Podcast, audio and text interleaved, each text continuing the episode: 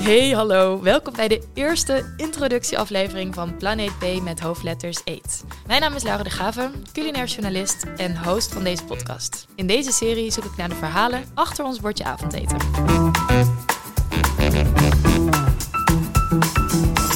Ik ga jullie in deze podcast handvaten geven met behulp van zeven subthema's, waarbij je praktische tips krijgt om alledaagse gerechten duurzamer te maken. En elk thema is een stap richting duurzaam eten. De titel van dit podcast is geïnspireerd op een quote die vaker genoemd wordt als het gaat om klimaatverandering. There is no planet B, we have to take care of the one we have. Onze voedselsystemen zorgen voor een derde van de wereldwijde uitstoot van broeikasgassen. Ongelooflijk. En jij kan dus thuis als consument veel verandering teweeg brengen door anders ofwel duurzaam te gaan eten. Stemmen met je vork dus. Ik zal even uitleggen. In deze podcast staat iedere aflevering een subthema centraal en onderzoeken we samen een simpel gerecht dat iedereen wel een keer eet. Dat noem ik plan A. Samen met wetenschappers en experts die ik uitnodig aan mijn keukentafel, bekijk ik hoe we deze met kleine veranderingen een stukje duurzamer kunnen maken. Aan het einde van de aflevering serveer ik dan dit duurzame gerecht als plan B. What's in a name? Nou, trappen we gelijk een beetje gek af, want in deze aflevering bespreek ik namelijk nog geen gerecht, maar ga ik in gesprek met Joris Lohman, oprichter en directeur van FoodHub, een social enterprise met als doel de transitie naar een beter voedselsysteem te versnellen. We gaan praten over ons huidige voedselsysteem, hoe duurzaam deze op dit moment is, wat duurzaam eten precies is en hoe je dat doet, maar ook over de toekomst van ons voedselsysteem.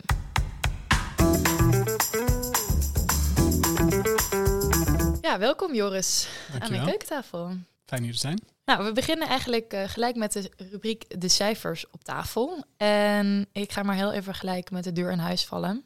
Ik denk dat jij dat ook al weet. Het gaat super slecht. Het, ja, het gaat niet goed. Nee. Nee, nee. Ik denk dat iedereen dat wel weet.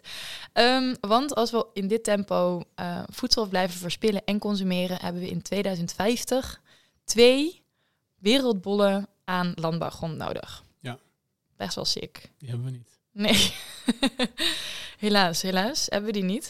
Ehm, toen ik eh, me ging verdiepen in klimaatverandering en voedselsystemen, had ik zoiets van ja, ik vind het fijn om even iets te hebben waar ik het aan op kan hangen. Mhm. Dus ik ben eh, me daarin gaan verdiepen en toen vond ik eh, de negen planetaire grenzen van Johan Ruk. Rockström. Ik moet het even goed zeggen, niet Rukström, Rukstrom, maar. Rockström. Ken jij die? Eh, ja, ja. Ja, nou voor de luisteraar die dat, eh, die dat misschien niet kent, ehm, Johan die heeft eigenlijk negen grenzen vastgesteld waar we niet overheen mogen gaan. Ehm, dat is de opwarming van de aarde, eh, afname van biodiversiteit, het sluiten van de stikstof en de kri- fosforkringloop, eh, gat in de ozonlaag, oceaanverzuring, waterschaarste, landgebruik, nou, noem het allemaal maar op.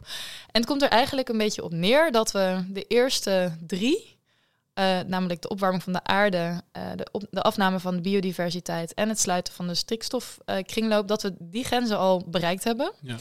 En dat we tegen de grenzen van de fosforkringloop, eh, de oceaanverzuring, waterschaarste en landgebruik, ja, dat we daar tegen aanschuren. Ja. Ja, best wel heftig. Waar te beginnen? Waar te beginnen, inderdaad. Ik ben wel eigenlijk heel erg benieuwd, Joris, want ehm, jij weet er heel erg veel van, hè, duurzaamheid, eten. Wat is duurzaam eten volgens jou? ja, ehm, het is altijd lastig om te beginnen met eh, het is heel complex, maar het is best complex. Ehm, en ik wil eigenlijk zo meteen even een discussie hebben over wat is inderdaad nou duurzaamheid aan zich. Ehm, want dan komen we volgens mij in een gesprek waarbij je misschien ook wel een beetje verloren raakt. Want je begint je verhaal met we kunnen als mensen een heleboel dingen doen om duurzamer te eten. Dat klopt natuurlijk wel. Dus het gaat over duurzaam gedrag. Kan je door bijvoorbeeld te minderen, eh, minder voedselverspilling, eh, minder van bepaalde dingen te eten, met name vlees en zuivel, hè, de bekende eiwittransitie, kan je natuurlijk een heleboel dingen doen om die voetafdruk die waar je het over hebt, om die te verminderen. Dus het is niet zo dat we als consumenten inderdaad niets kunnen doen. Maar mijn eh, punt is wel dat de definitie van wat is duurzaamheid nou, dat dat eigenlijk ook wetenschappelijk en ook in alle nou, internationale slimme mensen die daarover nadenken, eh, is dat eigenlijk heel erg, ehm, eh, is daar nog niet een goede definitie voor. En dat zit bijvoorbeeld met name in een van de indicatoren die je net noemt, landgebruik. Vertel. Een eigen voorzet. ja. Nou, ehm, eh, wat je vaak hoort in de discussies over duurzaamheid is dat, ehm, en je, het was onlangs ook weer in het nieuws, ehm, dat, er, eh, dat we bijvoorbeeld meer biologisch zouden moeten eten. Hè? Omdat eh, we weten dat de geschiedenis van landbouw ervoor heeft gezorgd dat we uh, wel heel productief, uh, hoog productief landbouwsysteem hebben. Maar dat we daarvoor veel inputs, dus onder een aantal dingen die jij noemt, uh, voor nodig hebben. gewasbeschermingsmiddelen, kunstmest om die productie te halen. Nou, bij biologisch gebruiken in ieder geval minder gewasbeschermingsmiddelen, gif eigenlijk. Uh, dus dat zou dan een duurzamere keuze zijn. Ja, want goed voor de biodiversiteit. Ja, want minder gif is in principe, ja. dat is sowieso, hè, minder gif is natuurlijk goed. Um, uh, maar er is nu op dit moment eigenlijk rondom landbouw een hele felle discussie eigenlijk gaande over wat is nou beter, want jij zegt biodiversiteit, wat is nou beter voor de biodiversiteit? Is het beter om minder ehm, intensieve landbouw te bedrijven, zodat je op dat boerenland en iets daaromheen een wat hogere biodiversiteit krijgt, dus meer insecten, meer vogels? Of is als je het wat in een groter kader zet, is het eigenlijk duurzamer om de voedselproductie die je moet doen, landgebruik, een van de belangrijkste indicatoren die je noemt, om voedselproductie op zo'n klein mogelijk stuk land te doen, zodat je het land wat je daarmee overhoudt, uh, dat je daar de biodiversiteit terug kan geven aan de natuur, rewilding noemen ze dat, waar, dat je daar de biodiversiteit kan verhogen. En er zijn een heleboel studies die nu aantonen van ja, biodiversiteit op boerenland is leuk, maar echte biodiversiteit, dat haal je alleen maar als je dat echt natuur laat zijn. Nou, ik noem het bewust een discussie, want uh, uh, we zijn er niet helemaal uit, maar dat is wel een belangrijke indicator. Dus met name dat landgebruik. Hoeveel land gebruiken we nou voor uh, de voedselproductie die we nodig hebben, is wat mij betreft wel een van de allerbelangrijkste van die nou, indicatoren die je in het begin noemt, waar we nu heel erg voor uit moeten kijken. Ja. want minder landgebruik is in feite duurzamer dan meer landgebruik. Maar voor de discussie rondom biologisch wordt het dan wel weer een stuk ingewikkelder, want we dachten nou juist dat bio duurzaam was, maar dat gebruikt meer land. Dus hoe moeten we dat nou positioneren? Ja, nou, ik uh, ga dat proberen te ontrafelen in deze podcastserie. Um, en ik ga dat wel doen aan een, aan een aantal subthema's. Mm -hmm. um, en dat zijn onder andere ja, ook biologisch. Maar ja. dat is dus heel interessant wat jij zegt. Want um, gedurende deze podcast zal je ook erachter komen, inderdaad, dat het niet al te mak altijd even makkelijk is. Ja. Maar tegelijkertijd ja, probeer ik wel je tips te geven en je, um, uh, je inzicht te laten krijgen in welke keuzes je zelf thuis kan maken. En ja, soms zijn die keuzes heel verrassend. Ja. Vast even een, uh, een teaser. Um, maar die uh, subthema's die ik de komende afleveringen ga bespreken zijn onder andere voedselverspilling, verder plantaardig eten, lokaal eten, eerlijke handel seizoensgebonden eten, duurzame verpakkingen en water- en landverbruik. Dus ja. um, daar, uh, en het is ook wel heel erg leuk, want iedere aflevering ga ik ook kijken naar een gerecht. En uh, krijg je als luisteraar dus echt ja, uh, aan het begin van de aflevering een plan A. Aan het einde van de aflevering een plan B. en dat kunnen hele simpele gerechten zijn, zoals een pastaatje, een lasagne of een stampot. Um, en aan het einde van de aflevering ja, krijg je uh, kom je er hopelijk achter uh, van, uh, oké, als ik daar een paar kleine tweaks in doe, van hoe is dat dan net iets beter voor, voor de aarde. Ja. Maar wat je zegt, dat klopt zeker. Daar ben ik ook tegen aangelopen. In de aflevering. Het, in de aflevering. Ja, ja en, en dat, dat ga ik natuurlijk nu nog niet vertellen, want dat, daar gaan we nog naar luisteren. Um, maar Joris, jij hebt over de toekomst van ons voedselsysteem net een documentaire gemaakt. The Future of Food. Ik ben wel heel benieuwd, hoe is dat tot stand gekomen? Nou, eigenlijk is die film het resultaat van een zoektocht. Zoals jij dat ook hebt, naar, um, die ik heb gedaan naar uh, ja, hoe ziet de toekomst van ons voedselsysteem eruit. Uh, dus vandaar ook de film The Future of Food. En Um, ik gaf net ook eventjes die introductie over die afwegingen en eigenlijk die, die, die tegenstellingen die je lijkt tegen te komen als je op zoek gaat naar wat is dan wat we als consumenten, maar ook ik, ben veel met, ik werk veel met boeren, agrarische ondernemers, bijvoorbeeld met boeren om een beter voedselsysteem te maken. Uh, toen ik een aantal jaar geleden daarin begon, ik, ik kom zelf uit Amsterdam en ik um, ja, had werd een beetje onderdeel van de food movement, zeg maar, die hier in de stad uh, starten, waar mensen veel aandacht hebben voor eten en lekker en biologisch en lokaal. En dat vond ik ook super interessant. Um, ik uh, werd toen ook lid van de, uh, de Slow Food Youth Network, dus een onderdeel van de internationale beweging Slow Food, die zich echt hard maakt voor beter en lokaal en ambachtelijk en natuurinclusief en biologisch en noem het even op voedsel. Um, en uh, ook als je in de media volgde van nou, wat is nou duurzaam voedsel, dan zie je vaak dat beeld. Uh, Mark met een Q kwam toen in die tijd om en dat was beter eten. Dus het ging heel erg over zeg maar, dat deel van ja, meer aandacht voor eten.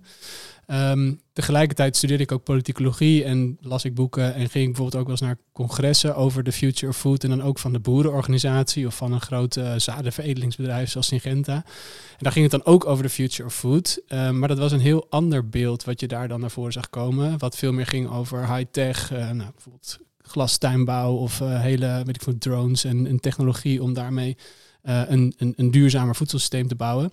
En dat vond ik wel interessant dat het eigenlijk twee heel verschillende beelden waren. Van wat is nou de toekomst voedsel? Is dat meer kleinschalig, biologisch, uh, uh, meer in balans met de natuur? Of is dat juist veel meer high-tech en innovatie? En toen ging ik me in die discussie mengen. En toen kwam ik op Twitter een jongen tegen, Hede Boersma, die, um, die noemde zichzelf ecomodernist. En die zei alle dingen waar ik het echt falikant mee oneens was. Dus die zei van ja, we moeten gentech gebruiken. We moeten juist intensieve landbouw is veel beter. We hadden continu ook echt discussies daarover. Ja, toen vond werd... hem niet heel aardig volgens mij. Ik vond, nou ja, ik, ja en, en sommige mensen waren echt ook heel fel op. En er wordt ook wel eens in zo'n hoek gestopt van je bent uh, lobbyist voor de, weet je, voor de vervuilende industrie. Maar ik was het wel echt, bij alles dacht ik van, ik ben het echt, ik heb een heel ander beeld eigenlijk van wat uh, die toekomst zou moeten zijn. Uh, toen kwamen we een keer, werden we een keer op een debatsessie, werden we ook tegenover elkaar gezet. Was het zo van, nou, gaan jullie even met elkaar die discussie uh, voeren, jij voor bio en hij tegen, en dan wordt het leuk een beetje vuurwerk. Toen hadden we wel al, al zoiets van, ja, maar deze discussie hebben we ook al wel heel vaak gehoord. Weet je, dat zie je vaak op televisie of in een talkshow, dat twee van die wereldbeelden, die het overigens nog steeds tegenover elkaar gezet wordt, en dan een discussie, en dan is er geen winnaar, want ze praten eigenlijk een beetje langs elkaar heen. Um, dus wij besloten toen eigenlijk om samen op te gaan trekken. Uh, en samen die discussie, of tenminste samen te gaan zoeken van oké, jij komt van een heel ander perspectief, maar wat is dan een duurzaam voedselsysteem? Um, en we kwamen toen ook achter dat daar natuurlijk veel over geschreven is. Onder andere een boek uit Amerika, dat heet The Wizard and the Prophet.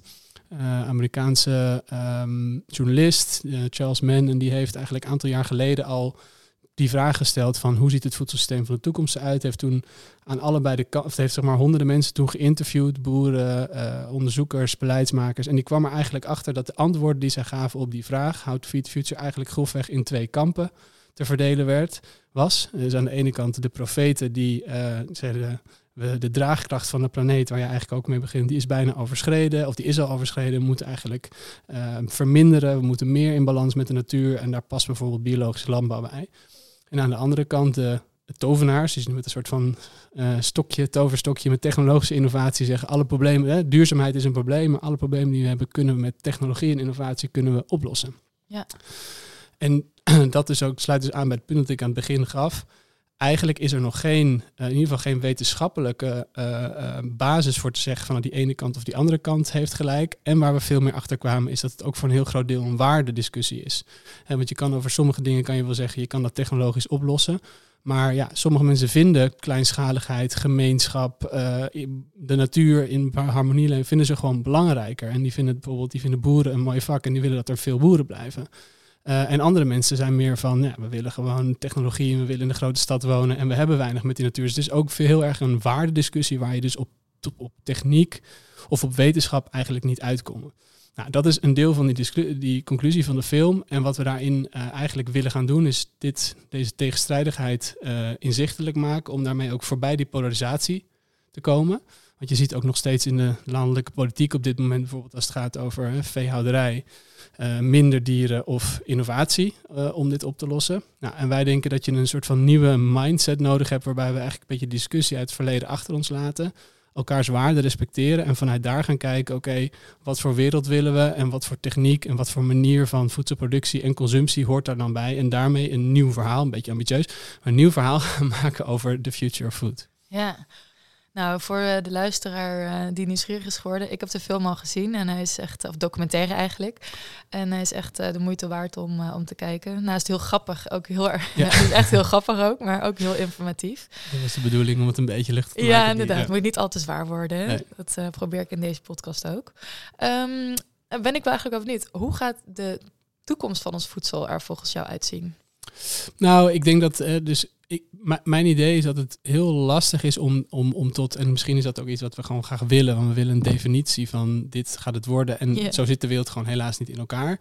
Uh, dat laten we in die film ook zien. Hè, van, nou, dit, je kan hier mooi uitkomen naar een soort van richting die we ingaan en een mentaliteit die we moeten hebben om duurzamer te produceren en te consumeren. Maar hoe dat dan precies uitziet, uh, ik denk wel dat je door je oogharen heen, ik zeggen beleidsmakers altijd, hè, eh, dat je wel een beetje kan zien van wat voor elementen onderdeel zijn van zo'n duurzamer voedselsysteem. Um, en ik denk dat, dus eigenlijk de drie punten die ik net heb genoemd, dus ik denk en ik heb ook het idee dat de discussie daarheen gaat dat dat landgebruik, dat we daar echt bewuster van gaan worden. dus dat, dat we, en dat geldt niet alleen voor voedsel, dat geldt eigenlijk ook voor alle elementen van duurzaamheid heeft te maken met als er iets is waar we echt te weinig van hebben, en dat weten we vanuit, is het uh, land. Dus als je een bepaalde productiewijze die meer land uh, nodig heeft, is die eigenlijk altijd onduurzamer dan een productiewijze die minder land nodig heeft. Dus ik denk dat dat landgebruik echt een heel belangrijk onderdeel gaat zijn. Ja. En ik hoop dat we voorbij die is iets bio of niet bio discussie kunnen komen. Dat we naar het kijken naar waar het kan, doe je dat zo efficiënt mogelijk en zo natuurvriendelijk. En dat we daar dus ook alle mogelijkheden en technologieën kunnen gebruiken om dat natuurvriendelijk te maken. Ja. En op gebieden bijvoorbeeld, dus nou in de dicht bij de natuur zou je kunnen zeggen, nou daar willen we misschien wat lager productieve en wat meer biodiversiteit op het boerenland. Uh, maar dat, ja, dat we daarbij een beetje voorbij die intensivering, efficiëntie is vies. Het moet high yield, zegt uh, George Monbiot, een journalist, een Engelse journalist waar ik veel naar kijk. High yield, low impact, dat is echt de landbouw van de toekomst. Dus dat is het eerste. Um, het tweede is echt die vleesconsumptie. en um, dat is natuurlijk niet iets nieuws. Volgens mij zeggen we dat en jij bent er ook al heel lang mee bezig. Hè, dat vleesconsumptie en, en, en zuivelconsumptie ongeveer het slechtste is wat we kunnen doen. Daar zit een groot deel consumptie, denk ik, in. Dus als je gewoon gaat minderen en uh, als je vegetarisch of veganistisch of uh, flexitarisch of hoe je het wil noemen, dat, dat heeft een impact. Ik moet wel zeggen dat ik mondiaal iets minder verwacht echt van die uh, consumptiedruk, zeg maar. Dat, dat, dat mensen uit, uit zichzelf minder gaan eten. Dat, ik, ik, ja, ik, dat is toch, ik weet niet, misschien een discussie ook met jou. Ja. Zeg maar een kleine groep mensen die dat voorbeeld geeft. Um, dus ik ben daar iets minder optimistisch. Of in ieder geval, het gaat te langzaam voor wat we, voor wat we nodig hebben.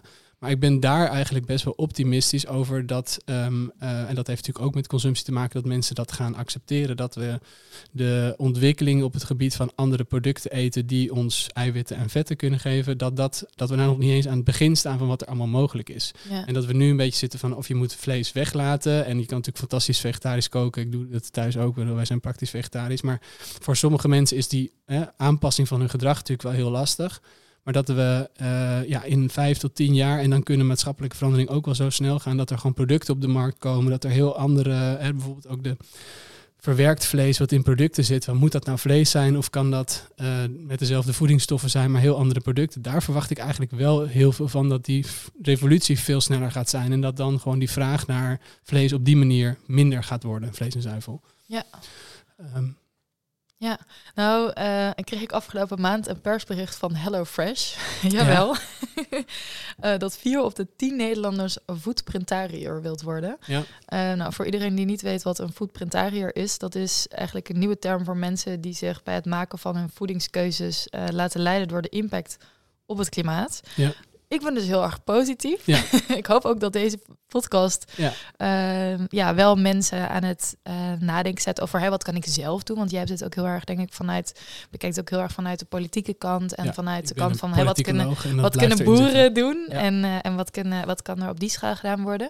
En um, ja, ik probeer wat mensen meer vanuit echt het bordje te laten kijken van hé, hey, wat als ik nou een paar andere veranderingen maak.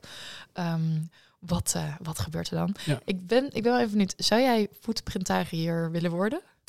Uh, ja, nou, ik vind het wel een goede term. Ja, goed, kijk, die ja. termen die veranderen steeds. Flexitariër, veganisme. Ja. Laatst hoorde ik ook weer een andere. Nee, goed. Uh, maar kijk, ik, met wat ik net zei, wil ik ook niet zeggen dat dat dus niet uitmaakt. Ik denk nee. dat het heel veel uitmaakt. Hè? Dus mm -hmm. dat mhm. mensen zoals jij, maar in ieder geval mensen die hier bewust mee bezig zijn, dat die een hele belangrijke voorlopende rol in die uh, transitie, zoals we noemen, spelen. En daar is ook, ook vanuit de politicologische literatuur heel veel over te vinden van juist de uh, invloed die er van dat soort bewegingen uitgaat. Maar ik hoorde laatst ook iemand zeggen van ja, ik word een beetje het depressief van in de zin dat uh, mijn oom die altijd met de barbecue staat, die gaat echt niet veranderen. Hè? Dus uh, mm. hoe kunnen we. Ja, en, en daarmee zeg ik van nou, die verandering hoeft eigenlijk vaak maar van een kleine groep te komen. En op een gegeven moment is door een combinatie van maatschappelijke en consumptiedruk, maar ook dus dat in technologie dingen veranderen. En ja. dat dan op een gegeven moment de overheid gaat ingrijpen met bepaalde dingen. Dus bepaalde dingen verbieden of duurder maken, et cetera. Dat zo'n tipping point, zo'n verandering opeens weer heel snel gaat. En dat die barbecue in de oom dan eigenlijk daar niet zo heel veel te vertellen heeft. En dan worden mensen ook weer heel boos. Maar dat, dat, dat, dat de omgeving gewoon zo snel verandert dat, dat, dat die consumptievoorkeuren ook mee veranderen. Dus Ja. eh, eigenlijk zeggen we hetzelfde, maar dit iets anders. Die eerste groep is super belangrijk, maar die gaat ook niet in zijn eentje dat verschil eh, maken. Eh, maar om, ja, ik zie dus nu toch dat ook vanuit andere indicatoren dat het misschien toch weer sneller kan gaan gaan dan we op dit moment soms denken. Dat het ook niet allemaal van die flexitariërs of foodprintariërs hoeft te verwachten. Nee. Nee. Wat ik ook wel eh, interessant vind, is dat er steeds meer ook eh, bewustwording wordt gecreëerd hè, Ja. rondom dit onderwerp. En ik ben de laatste tijd zelf echt super fan van waterbear.com. Ken je die website? Ja, nee. Het is echt een, het is een website en ehm, daar, eh, ja, zij laten eigenlijk allemaal documentaires, Ja. kan je gratis kijken en die gaan allemaal gaan over klimaatverandering en Ja. over wat er op dit moment in de wereld eh, speelt. En Ja. dat is ook wel echt heel fijn om, ja, om te bekijken, om ook te zien van, hé, hey, wat zijn dingen, keuzes die ik kan veranderen en ook ja, een stukje bewustwording kan creëren. Maar goed, ik kan me net voorstellen dat de oom die aan het barbecue staat daar helemaal niet Misschien op niet zit te naar wachten. Maar goed. Nee, maar goed, maar dat kan je dus wel, dat je zegt van, moeten, we, moeten al die mensen die documentaires gezien hebben, of is het genoeg dat een groep Deel, dat ja. doet en dat daarmee, ik denk, ik ben meer van die tweede eh, school. Ja. Ehm, ehm, en ik wil ook, hè, nogmaals, ik kijk heel erg vanuit een systeemproduct perspectief en toch ook wel vanuit productie, hè, van wat eet je en op welke manier. Eh, maar het is natuurlijk wel zo dat we allemaal nog heel veel dingen kunnen doen om onze persoonlijke footprint en onze persoonlijke keuzes eh, te verbeteren. En dan is verpakking iets waar we nog, nou, waar jij het over hebt, maar wat, dat is natuurlijk iets waar je echt best wel makkelijk eh, eh, keuzes in kan, eh, kan maken. Dat je gewoon moet beginnen met minder vlees eten. En uiteindelijk de vuistregel van, ehm, eh, hoewel best complex, maar lokaal en in het seizoen is vaak een betere keuze dan ehm, niet lokaal, niet in het seizoen. ja. En alsnog heb ik net eigenlijk een beetje een pleidooi tegen biologisch ge- gehouden. Maar ik vind alsnog, als je in de supermarkt staat, dat het best goed is om dat te kopen. Zeker. Alleen maar om een signaal te geven aan de supermarkt. Ik ben iemand die op basis van duurzaamheid, eh, eh, of in ieder geval minder geweld- gedragsbeschermingsmiddelen, keuzes maakt. Dus dat zet wel iets in beweging. Hè. Dus eh, om niet te veel verwarring te maken, het is niet de oplossing, maar blijf wel bewust eten en eten kopen. Want dat, Ja. dat, daarmee laat je echt je stem horen in het, in, in het bredere systeem. Ja, stemmen met je vork. Ehm, daarover gesproken, ben ik wel even benieuwd. ehm, weet jij toevallig wat de tien meest vervuilende etenswaren zijn? Ehm, dit was in het vorige gesprek, maar nu moet ik nee zeggen. Toch? Nee, Want jij gaat ja, opnoemen. inderdaad, ja. Nee, vertel. nou, tijdens het voorgesprek voor de luisteraar, toen eh, maakte je wel een voorzetje. Toen zei je van, ehm, eh, ik denk wel iets van eh, vlees en... Ze zullen wel een beeld overlappen met het gesprek wat we net hier gehad, anders dan heb ik een heel verkeerd verhaal verteld. Maar vertel. Ja, ik ga het vertellen, ik ga het vertellen. Ehm, rundvlees, lamsvlees en schapenvlees. Nou, hè, Ja. Ja, en dat, maar dat zijn dus vlees, sorry, maar dat zijn dus, dus vleesproducten, maar dus ook specifiek vleesproducten die veel land nodig hebben. Hè? Want er wordt niet varkensvlees of kippen, waar je kan zeggen varkenskip is zielig, want die zitten in een klein hok, maar dat is dus minder land. Ja. En schapen en eh, lam en rund, die zijn vaak, lopen vaak buiten, hebben daardoor heel veel land nodig. Dus dat is ook Mm. een van de belangrijke indicatoren. Ja, nou hebben we verder kaas, eh zuivelproducten van rund, eh, chocolade.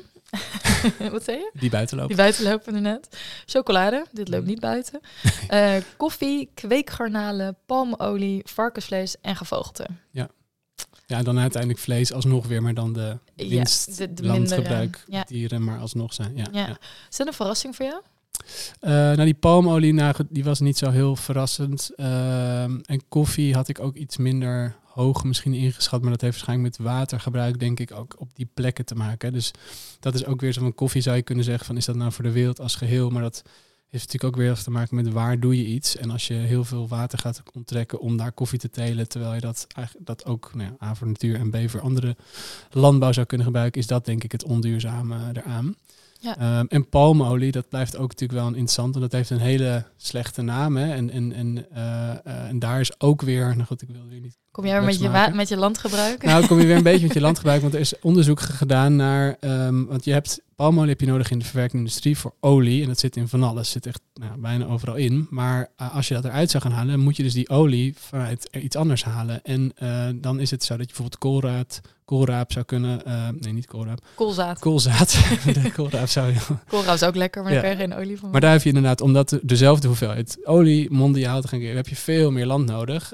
dan die palmolie is eigenlijk een hele intensieve, daardoor ook goedkope. En het is een beetje jammer dat het in het regenwoud is, waar heel. eh, dus voor de biodiversiteit is het weer heel slecht. Ja. Maar het, er is op dit moment niet een heel goed alternatief voor die goedkope en intensieve olie. Dus daarin is het maar kunnen we niet gewoon minder olie gaan eten? Nou ja, Gaan- dat, ja. gaan- Nou, kijk, we zijn toch allemaal eh, Ja.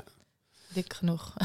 nou, dat, kijk, en dat is nog wel eentje, want ik zit inderdaad vaak heel erg op de Meer van- technische kant, maar die voedselindustrie, en dan wil ik ook niet zeggen dat alle voedselindustrie slecht is, want er zijn ook mensen die, we hebben altijd voedsel verwerkt. Een beetje het romantische beeld is van je haalt alles, trekt alles uit de modder en dan ga je thuis in je keuken. En dat is voor sommige mensen misschien een optie, maar ehm, ja, dat, er, dat er een industrie is die ons voedselproducten maakt, is op zich goed. Alleen ja, de eh, koekjes in 54.000 verschillende Ja, want daar zit smaken. al die palmolie in. ja, en, en, en dus het, je zou het eruit kunnen halen. En je zou in ieder geval, hè, dat is wel zo dat een duurzamer dieet natuurlijk een veel meer basic dieet is. Met eh, meer groente, fruit, dingen die je zelf eh, produceert. En dat je allerlei pakjes en zakjes. Kijk, voor sommige Ja. mensen vind ik ook wel weer dat ze zelf niet zo goed kunnen koken. En dan is knor misschien beter dan helemaal geen groente eten. Maar eh, ja, die voedselindustrie die een heleboel dingen voor ons maakt die we eigenlijk niet nodig hebben. Dat is natuurlijk wel echt iets wat onduurzaam eh, Ja. gedrag is om eh, dat heel veel te blijven eten. En dan zou er misschien ook minder Minder palmolie nodig zijn. Ja, ja. Denk je dan dat je deze kunt en gaat laten staan in de toekomst? Ehm, koffie vind ik wel lastig. dat, Ik heb hier toevallig thuis heb ik koffie van Northern Wonder ook staan. dat is heel mooi. Ja. Dat is gemaakt van niet-tropische ingrediënten. Maar we hebben ook nog een aflevering over koffie. Dus Ja. Even een teaser eh, voor, eh, daarvoor. Ja. Maar dat kan ook op een wat duurzamere manier. Ja. Ja, Ja. ja. nou ja, kijk, en daar zit, maar dat is, eh, ik, daar zit natuurlijk al heel veel complexiteit aan. Want je kan ook zeggen, want Northern One is fantastisch vanuit eh, duurzaamheid, maar je kan ook zeggen, ja, er is ook in verschillende landen, noem Colombia, is een enorme koffie-industrie eh, waar mensen ook van leven. dus Ja. er is ook altijd weer een vraag van het vervangen en het hier gaan doen. Is dat nou, als je de sociale component, economische component, dan wil ik niet zeggen dat het zo'n fantastische industrie is waar die koffieboeren zoveel aan overhouden, maar dat zit er natuurlijk ook nog wel, eh, toch wel in. Ja. Maar ja, ik, over het algemeen, vleesconsumptie minder, veel minder uit de verwerkende industrie en minder dingen die echt niet goed voor je zijn. En eh, dat zijn wel echt goede ehm, handvaten die je kan nemen om gewoon simpeler en daardoor dus ook eh, duurzamer, voet, kleiner footprintachtiger te gaan eten. Nou, dankjewel Joris voor al je mooie inzichten. Ik denk dat we wel kunnen stellen dat duurzaam eten een moeilijk begrip is. Maar we Ja. gaan het, eh, ik ga het verder beetje- ontrafelen. We zijn al inderdaad. Ja, Ja. we hebben een beetje kaders kunnen Geef geven. niet op. Nee, inderdaad. Blijf vooral luisteren, want in de volgende aflevering ga ik in op het thema voedselverspilling en gaan we bekijken hoe we een bord stampot een beetje duurzamer kunnen maken. Tot dan!